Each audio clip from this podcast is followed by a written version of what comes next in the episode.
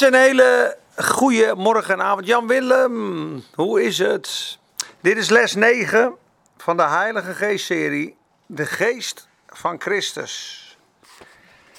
Zo, de band loopt. Goedenavond, allemaal nieuwe gezichten weer.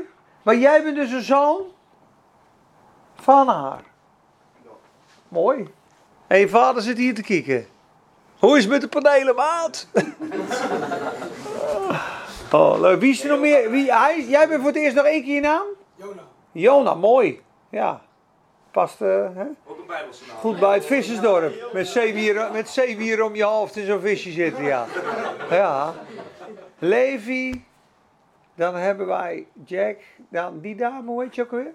Eva. Eva, heb je al thee gehad? Ik heb water, komt goed. Ja, maar ik heb thee staan, hè? ik Met een do- doos. Ja, ik denk straks bij overgeslagen. Nee hoor, komt goed. Madeline gaat goed mee, hè? Ja, Lekker stralen. ja, ja. Lekker knallen. Ja. Halleluja.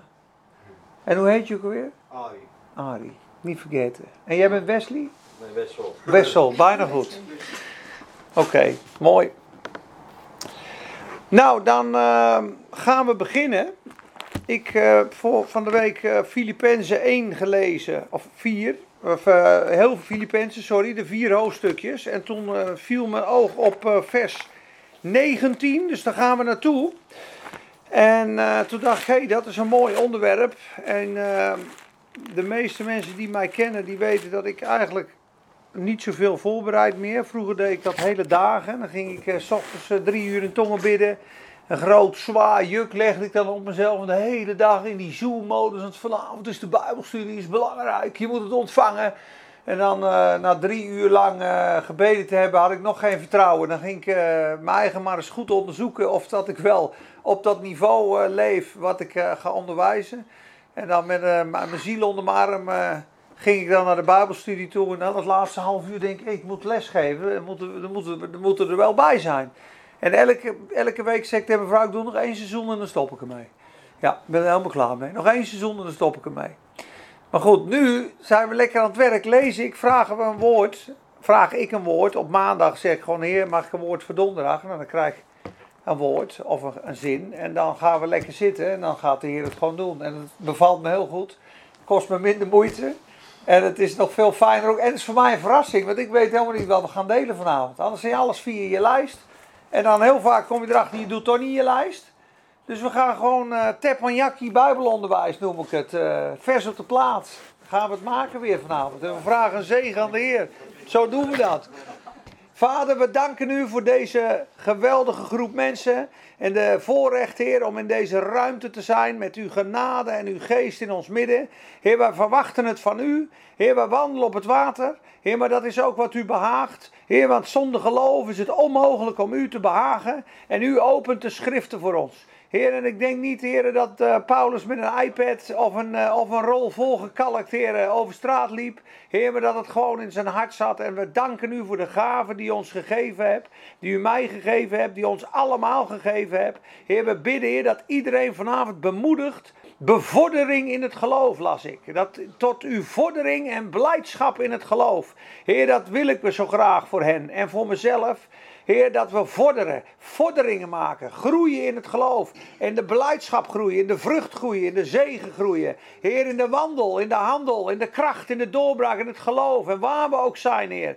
Dat bidden we voor een ieder. Heer, open de oren, open de harten. Heer, en we danken u dat de vijand gebonden is over vanavond. Want u maakt een tafel gereed in de tegenwoordigheid van onze vijanden. Heer, onze hoofd, ons beker vloeit over van, van dankbaarheid. En ons hoofd is gezalfd met olie, Heer. Het goede zal ons achterna lopen, al de dagen van ons leven. Heer, zo zegenen deze avond en het woord, Heer.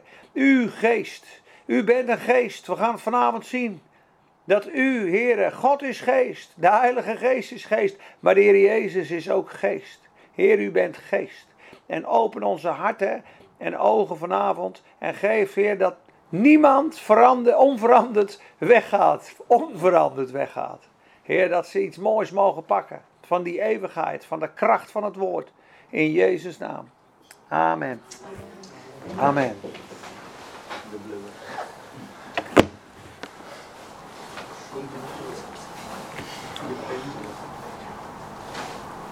Kijk eens aan. Oké, okay, Filippenzen 1. En dat ging eventjes over het volgende. Paulus die bidt voor die gemeente en die zegt uh, wat mooie dingen. Hij zit in de gevangenis. je zit in de gevangenis, je wordt vervolgd. En Paulus die heeft er gewoon maling aan. Die prijst de Heer, die preekt gewoon verder. En in zijn brief, vier hoofdstukjes. Als je met een brief schrijft, vier hoofdstukjes. En je schrijft 19 keer vreugde, blijdschap, vreugde, blijdschap, blijdschap, vreugde, vreugde. Man, ik ben blij. Ha, verblijd je neer. Ha, hey, halleluja, blij, blij, blij. Vreugde, vreugde, vreugde. Tel ze maar, Filippenzen. 19 keer in die paar hoofdstukjes heeft hij het over vreugde, blijdschap. In de gevangenis. God lovende, God prijzende. En hij zegt, ik bid voor jullie. In vers 9 begin ik even een stukje terug. En dat bid ik ook voor, voor ons allemaal. En dit bid ik, dat uw liefde nog steeds meer overvloedig mag worden. In kennis en alle fijngevoeligheid. Filippenzen 1 vers 9. Opdat u kunt onderscheiden wat van wezenlijk belang is. Opdat u oprecht bent en zonder aanstoot te geven bent tot de dag van Christus vervuld met vruchten van gerechtigheid, die door Jezus Christus zijn, tot heerlijkheid en lof van God. Dat bidt hij voor ze, daar zegent hij. En dan zegt hij, nu begint hij zijn gevangenschap tegen ze te praten. En ik wil dat u weet, broeders, dat wat met mij gebeurd is, ik ben eh, gearresteerd, dat dat veel meer geleid heeft tot de bevordering van het evangelie zodat in het hele gerechtsgebouw en aan alle overigen bekend is geworden dat ik een gevangene ben om Christus wil. En dat het merendeel van de broeders in de Here door mijn gevangenschap juist vertrouwen heeft gekregen om het woord nog overvloediger en onbevreesd te spreken.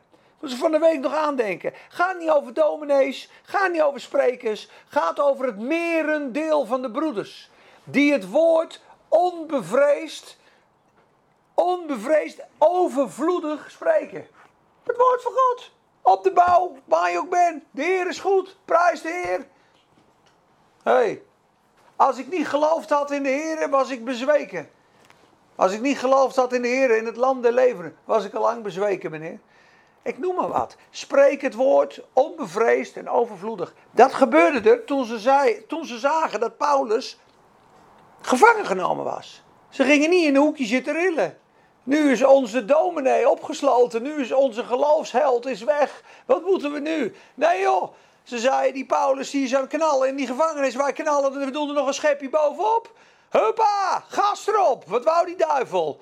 Onze broer vastzetten. We zullen hem nog een, goede uppercut geven in de geest. Onbevreesd, onovervloedig zullen we het woord spreken. We zullen hem leren. Dat gebeurde er. Sommigen, zegt Paulus, die preken zelfs Jezus uit afgunst en ruzie, maar ook anderen uit welwillendheid. De eerste verkondigen Christus wel uit eigen belang, niet zuiver, met de bedoeling aan mijn gevangenschap zelfs verdrukking toe te voegen. Dus nagaan hoe verdraaid mensen kunnen worden. Dat je over Jezus gaat praten om Paulus te treiteren. En Paulus zegt dit. maar de laatste preek uit liefde opdat zij weten dat ik tot de verdediging van het evangelie aangesteld ben. Maar wat dan nog? Zegt hij, toch wordt Christus op allerlei wijze verkondigd. Of het nu onder valse voorwendsel is of in waarheid. En daarover verblijd ik mij. Ja, ik zal mij ook verblijden. Dus hij zegt, joh, al, al zitten ze met de jennen, ik verheug me in het feit dat ze Jezus prediken. Nu komt het mooie stuk waar ik het over wil hebben. Want ik weet dat al deze verdrukkingen mij tot zaligheid zullen strekken. Door uw gebed en de ondersteuning van de geest van Jezus Christus. Overeenkomstig mijn rijkhalzend verlangen en hoop dat ik in geen enkel ding en opzicht beschaamd zal worden, maar dat ik in alle vrijmoedigheid, zoals altijd, ook nu Christus groot zal maken in mijn lichaam. Of het nu door leven is of door sterven. Want het leven is voor mij Christus en het sterven is voor mij winst. Maar ik blijf liever in het vlees, in mijn lichaam, want dat betekent dat voor mij een vruchtbaar werk. Want, maar wat ik kiezen zal, weet ik niet. Dus Paulus zegt eigenlijk, ik weet niet wat ik moet kiezen. Moet ik, ga ik naar de hemel bij de Heer? Of ga ik hier op aarde blijven? Dat zegt hij eigenlijk. Ik, ik ben eigenlijk een beetje in, uh, in dubio, sta ik. Maar ik word gedrongen door twee dingen. Ik heb begeerte, verlangen om heen te gaan en bij de Heer Jezus te zijn. Want dat is verreweg het beste. Maar in het vlees te blijven hier op aarde is noodzakelijker voor u. En dit vertrouw ik. En dit weet ik. Dat ik zal blijven leven. En bij u allen zal blijven. Dan komt hij tot uw vordering en blijdschap van het geloof. Opdat u roemen Roemen, weet je wat roemen is? Wie weet wat roemen is? Trots op jezelf.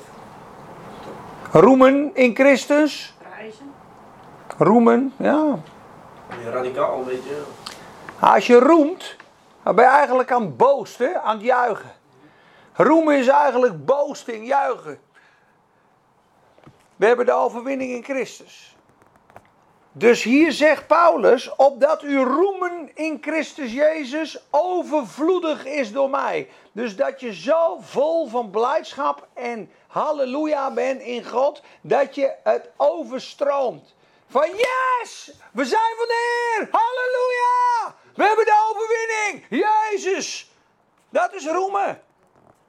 En dat hele woord roemen, daar kan je gigantische studie van houden, jongens. Als je roemen, boasting, opzoekt in de Bijbel.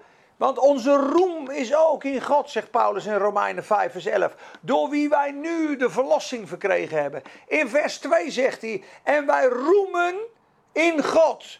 In hoop van de heerlijkheid die over ons zal komen. En dan zegt hij in vers 3: En weet je wat ik ook in roem? In mijn verdrukkingen. Want ik weet dat die verdrukking volharding teweeg brengt. En volharding hoop. En hoop maakt niet beschaamd, de liefde van God is in mijn hart uitgestort. Dus zelfs in moeilijke tijden roem ik in God. Hier in de gevangenis roemt hij in God. En we juichen in de verlossing. Eigenlijk is roemen gewoon feest vieren, de overwinning vieren. Je weet dat je gewonnen hebt. Je weet dat je niet meer stuk kan. Je weet dat je niet gaat falen. Je weet dat Jezus het graf heeft overwonnen. Je weet dat de duivel je niet meer kan roven. Je weet dat dwars door alle verdrukkingen heen de Heer Jezus zijn werk in je doet. Want, zegt hij, ik ben, ik heb in die gevangenis, of ik nou leef of dood ga, in, mijn lichaam wordt Jezus gewoon verheerlijkt. Linksom of rechtsom. Of ze maken me af en dan ga ik naar de Heer. Of ze blijven en dan ga ik jullie lekker blijven onderwijzen. Als ze me helemaal kapot slaan, begin ik te prijzen. Als ze me bedreigen, weet ik, dit, dit werkt alleen maar meer zegen uit. Paulus was untouchable door zijn geloof. Als sloegen ze hem, al treiterden ze hem, hij bleef staan. Hij had openbaring en visie. Ik roem, want ik kan niet meer stuk bij God. Ik roem, want alles wat moeilijk is, gebruik God ten goede. En dan wordt, hey, weet je wat er gebeurt? er komt nog meer zegen in mijn leven. Dat is een mindset. Iemand roddelt over mij. Perfect, maat. Twee kronen erbij. Lekker blijven roddelen. Halleluja. Ik had vroeger op de markt willen zien, want u zat allemaal op mijn vingers te kijken. Dat vond ik natuurlijk altijd vervelend. En dan vooral zo'n jonger iemand. Maar op een gegeven moment had ik een keer zo'n dag, dan was ik in de overwinning. En toen zei ik een keer lachend, dankjewel voor het bijschaven van mijn persoonlijkheid. Weet je wel? Maar dat bleef hangen bij iedereen. Na een jaar nog, Peet, even lekker bijgeschaafd aan je persoonlijkheid, hè? Ja, die ging mij natellen, narekenen. Dus dan had ik, moet je nagaan, dan ben je 25. Sta je op de markt al zes jaar. En dan komt er een gozer van 17, die, die komt op zaterdag werken. En die gaat dan in die tas even mee zitten rekenen of ik wel goed kon rekenen. Weet je wel, de hele dag. Van, uh, jij is 23, 50, ja. Zeg, tel nog maar even, tel nog maar even. Ja, heb ik het goed gedaan? Heb ik het goed gedaan? Hij werd er natuurlijk knettergek van. De eerste drie weken zeg ik, hij noem nog één keer in die taas kieken. Dan gooi ik je zo dwars door het apenzeil heen, gek. Maar je bent een zaterdag knecht. Wat kom je doen, man? Ik zat tien jaar op de markt. Wie denk je hier voor je? Weet je wel. maar goed, op een gegeven moment had ik het door. Bedankt voor het bijschaven van mijn persoonlijkheid, jongens. Dus, uh, maar goed, het roemen in Christus is een. Ben untouchable? Weet je waarom? Je blijft in de geest. Welke pijl Satan ook op je afvuurt. Welke situatie je ook in bent. En wat zegt hij zo mooi? Overeenkomstig mijn rijkhalsend verlangen en hoop. Vers 20. Dat ik in geen enkel opzicht beschaamd zal worden. Maar dat ik in alle vrijmoedigheid, zoals altijd, ook nu Christus zal groot gemaakt worden in mijn lichaam. Of het nu door leven is of door sterven. Maakt het niet uit, joh. Dan ben je een overwinnaar, hoor. Wat zou ik doen? Wat zou ik zeggen? Voor mij staat het vast. Christus wordt verheerlijkt in mijn lichaam. Sla je mij? Ik vind het jammer dat je me slaat. Ik zegen je. Hij zat niet bij de pakken neer, jongens, in die gevangenis. Het scheelt hem helemaal niks. En het geloof van de broeders groeide. En dit gebeurde allemaal door de gebeden. Wat zegt hij hè, in vers 25? Want ik weet dat ik zal blijven leven en bij u allen zal blijven. Tot uw vordering en blijdschap van het geloof. En wat zei hij nou nog meer? In vers 19, want ik weet dat dit mij tot zaligheid strekken zal door uw gebed en de ondersteuning van de geest van Christus. Dus het, wie is het in hem die het doet? Christus. De geest van Christus in hem. En dat was ook, de geest van Christus was ook in Stefanus. Geloof nou niet dat Stefanus dat in zijn eigen kracht ooit gedaan heeft. Toen ze met stenen op hem aan het gooien waren. Grote, dikke stenen. Je moet nagaan zo groot als een biljartbal. En er staan daar een mannetje 60, 70. Die staan daar met een biljartbal van 4 meter afstand. Gooien ze alle, alle 60 gooien ze tegelijk zo'n kaai op je. Op je slaap, op je kaak, op je hoofd, op je... Het is één grote stenenregen. Dat is niet normaal. Elke vloek uit het, uit het woordenboek zou je bijna uitschreeuwen in je eigen kracht.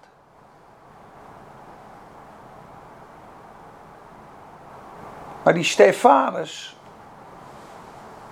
die gaat daar in de kracht van Christus. De Heer Jezus neemt het over. En de hemel ging open en iedereen die zal het hier wel weten. Maar de Heer Jezus zit aan de rechterhand van, van God, hè, staat de Bijbel. Maar op dat moment stond de Heer Jezus. Ik zie de Zoon des Mensen staan aan de rechterhand van God. Zij kregen staande ovatie van de Heer Jezus. Heere, reken hun deze zonde niet toe.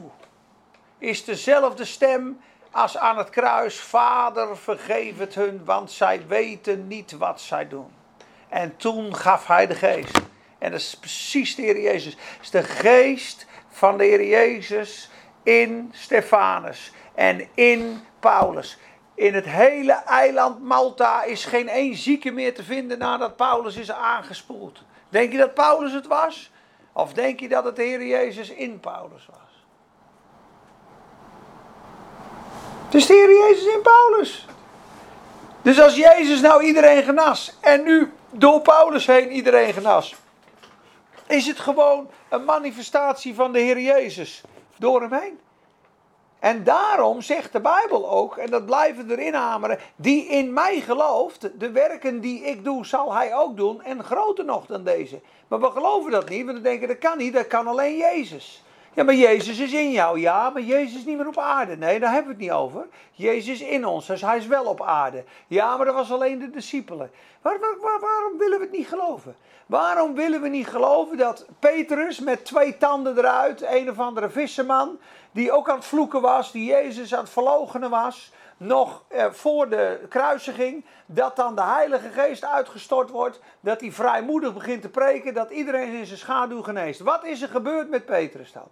Een gewone man zoals jij en ik. Handelingen 5. Iedereen geneest. Wie is het? De Heer Jezus of Petrus? Het is de Heer Jezus, jongens. Het is normaal als iedereen geneest als Jezus er is. Het is normaal. Alleen wij staan heel vaak de Heer in de weg.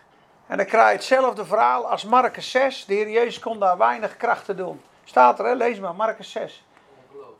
Hij kwam in zijn geboorteplaats in Nazareth. En zij zagen hem en ze namen aanstoot aan hem. Ze zei: Is dat niet de zoon van Maria? En zijn zijn broers niet allemaal met ons? En hij verwonderde zich over hun ongeloof en kon daar weinig krachten doen. Hij legde slechts zijn handen op enkele zieken. Steer Jezus in al zijn volheid kon daar weinig doen. Door wie? Door hoe die behandeld werd. Ze zagen hem met natuurlijke ogen. Dat is toch een timmerman? Dat is toch een. Uh, die kennen we toch, man, Jezus. Maar in Capernaum zagen ze hem als de zoon van God. En dat staat in datzelfde hoofdstuk, Marcus 6, aan het eind. Lees maar. Hetzelfde hoofdstuk, Marcus 6. Daar kun je alles al mee tikkelen. En ieder die hem aanraakte, werd volkomen gezond. En waar hij ook ging, in dorpen, in steden, in plaatsen, in gehuchten, in provincies, waar hij ook ging, daar legden zij de zieken op de straten en op beddekens en op de markten, niet op de straat, op de straten en waar hij ook ging, Jezus, waar hij ook ging, in dorpen, vlekken, steden. En ieder die zijn kleed aanraakte, werd volkomen gezond. Even een tikketje met Jezus. Tikkie, genezen. Het is even oneerbiedig, maar zo was het. Moet je over nadenken. Waar hij ook kwam. Dorpen, steden, provincies. Gewoon Hoogland. We gaan naar Amersfoort. We gaan nu naar Achterveld. Hij is nu in Zwolle. Hij is in Hardenberg. Hij is in Groningen. Waar hij ook kwam. De zieken op de straten. In beddekens. Er zijn duizenden, duizenden, duizenden, duizenden mensen. En al die duizenden mensen die hem aanraakten, werden volkomen gezond. Dat is toch bijzonder, jongens. Is de Heer Jezus. Dat is de geest van Christus. Ik weet niet waarom we er nu over praten. We hadden het net nog over vervolging. maar, Nou, ik, heb één opmerking. Als wij allemaal in de naam van de Vader bidden en in, de naam van Jezus voor genezing uitspreken, dat wil nog niet zeggen dat, dat die persoon eh, geneest.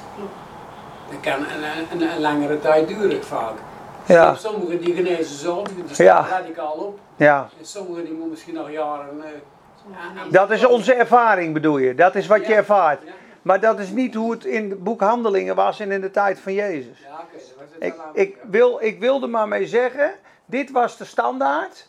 We zijn met z'n allen een beetje hier gedegradeerd. En als je dan dit gaat geloven, wat de dominee zei, dan ga je nog verder degraderen. En dan kom je op een gegeven moment, zit je hier. Wonderen gebeuren nooit meer. Straks in de hemel komt alles goed.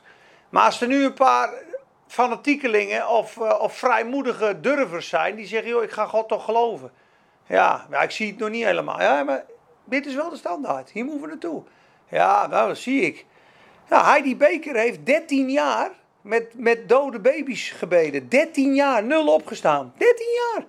Ze lachten eruit in Mozambique. Wat ben je aan het doen, joh, bij die vuilnispeld? Ze zijn gewoon kinderlijkjes bij de vuilnis. Huilen, huilen en bidden. Uitgelachen worden, jaar in, jaar uit. Totdat na 13 jaar 60, 70, 80, 90, 130 baby's, 200 baby's.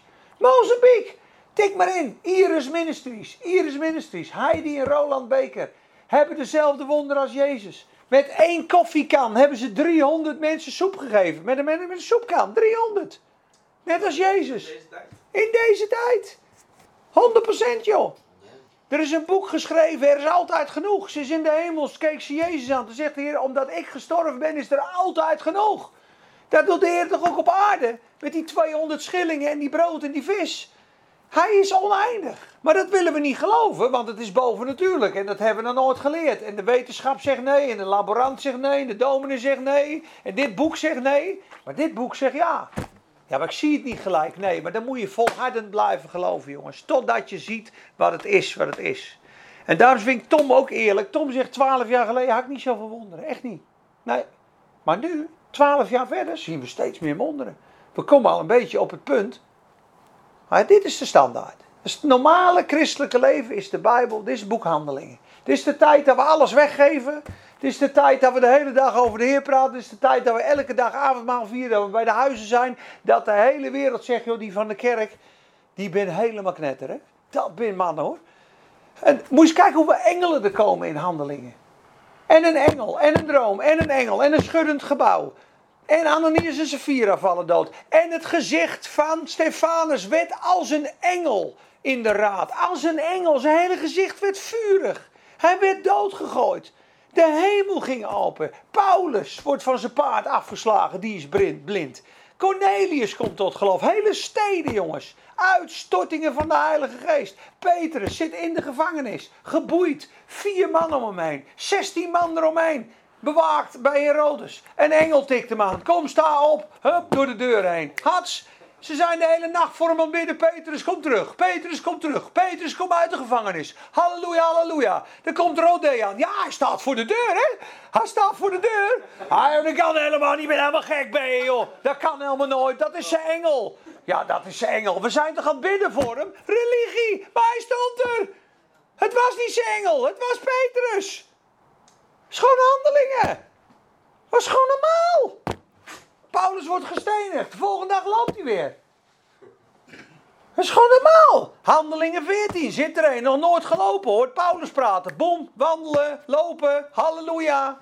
Jongens, het is ongelooflijk. Het boek Handelingen is een beschrijving hoe het normaal hoort te zijn als de Heilige Geest, de Geest van Christus, volle ruimte krijgt. Dan weet je in ieder geval dat wat je hier leest, niks is te gek. Weet je dat er in, in opwekkingen vroeger, in 1880, is het dus gebeurd, dat weet ik van Rodney van Bijbelschool. Is het gewoon gebeurd, het staat niet in de Bijbel. Maar dat zijn dus dingen die kunnen gebeuren. Dat er een prediker was, een vrouw of een man, onder de Heilige Geest aan het prediken. Drie dagen lang in een trance. Dus ze is dus nu, net als ik nu aan het prediken. Ze is drie dagen zo blijven staan. 180.000 bezoekers kwamen er. De kranten bij, de mensen, iedereen. Die staan er drie dagen stil, drie dagen, bom. En mensen, en wat denk je dat drie dagen, maar dan gaat ze in dezelfde zin verder. Honderdduizenden bekeringen. Wat denk je? Wat er gebeurd is. Smith Wigglesworth heeft 23 mensen uit de dood gebreden. 1840, 1880 was gewoon een loodgieter. Verborg de schoenen van zijn vrouw voor de kerk.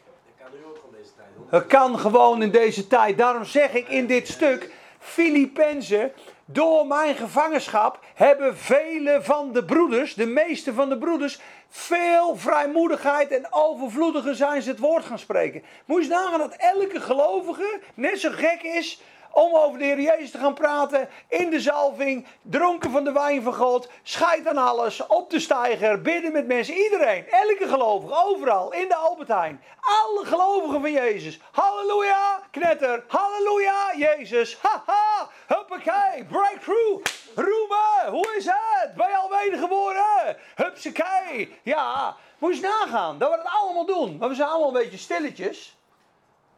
Wat is een geestelijke strijd? Maar door het gebed en de geest van Christus breek je de dwars. Dan hebben we vuurballen. Dan gaat het als wild vuur. Gaat het.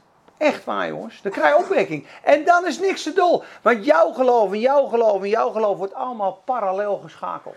Op een gegeven moment krijg je zoveel openbaring, liefde, geloof, opstapeling, dingen weggeven dan, dan gaat God zijn geest zo uitstorten. Dan krijg schuddende gebouwen. Dan krijg je ja, een engel. Ja, ik zie elke dag vier keer een engel. Een visioen. Ja, ik loop, ik loop al drie jaar in een visioen. Ik leg mijn handen op, mensen worden wakker. Hele ogen eruit. Ja, ik kijk nergens meer op. Ik heb vorige week dinsdag 13 mensen opgewekt uit de dood. Ja, ze waren doodgevroren. Ik heb ze allemaal aangeraakt. Zo, hier, daar zitten ze. Bordje soep gegeven, prijs de heer. Ja, ik denk dat het serieus normaal wordt. Ben ik knettergek, jongens, of niet? Deze les is niet voor de traditionele gemiddelde christen. Halleluja. Oké, okay. dat door jij er bent. Hij, hij, hij komt, dat is allemaal wild hier nu. Halleluja. Jongens, we gaan naar 1 Korinthe 15. 1 Korinthe 15. En er is, er is een bediening Kijk, de Bijbel, jongens, is bovennatuurlijk. Het geloof is bovennatuurlijk. Is het koud? Ik vind het ook koud. Ik heb wel die blazen. Maar deze staat ook niet aan. De Heilige Geest. Ik heb het ook koud. Ik vind het ook koud. Die staat hier wel aan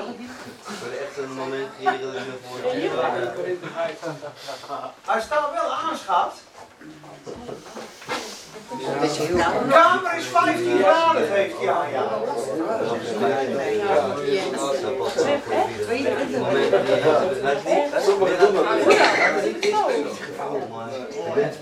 Ja, dat is natuurlijk 15 euro. 15 euro? Dat is hier 15 Normaal, als ik hem op 24 zet, dan gaat hij gelijk aan, maar hij slaat niet aan. Jongens, het spijt, het spijt me dat het wat kouder is. Ik zal... Eh, Volgens mij staat het deur ja, kan die tussendeur dicht? Ja, het is koud hier.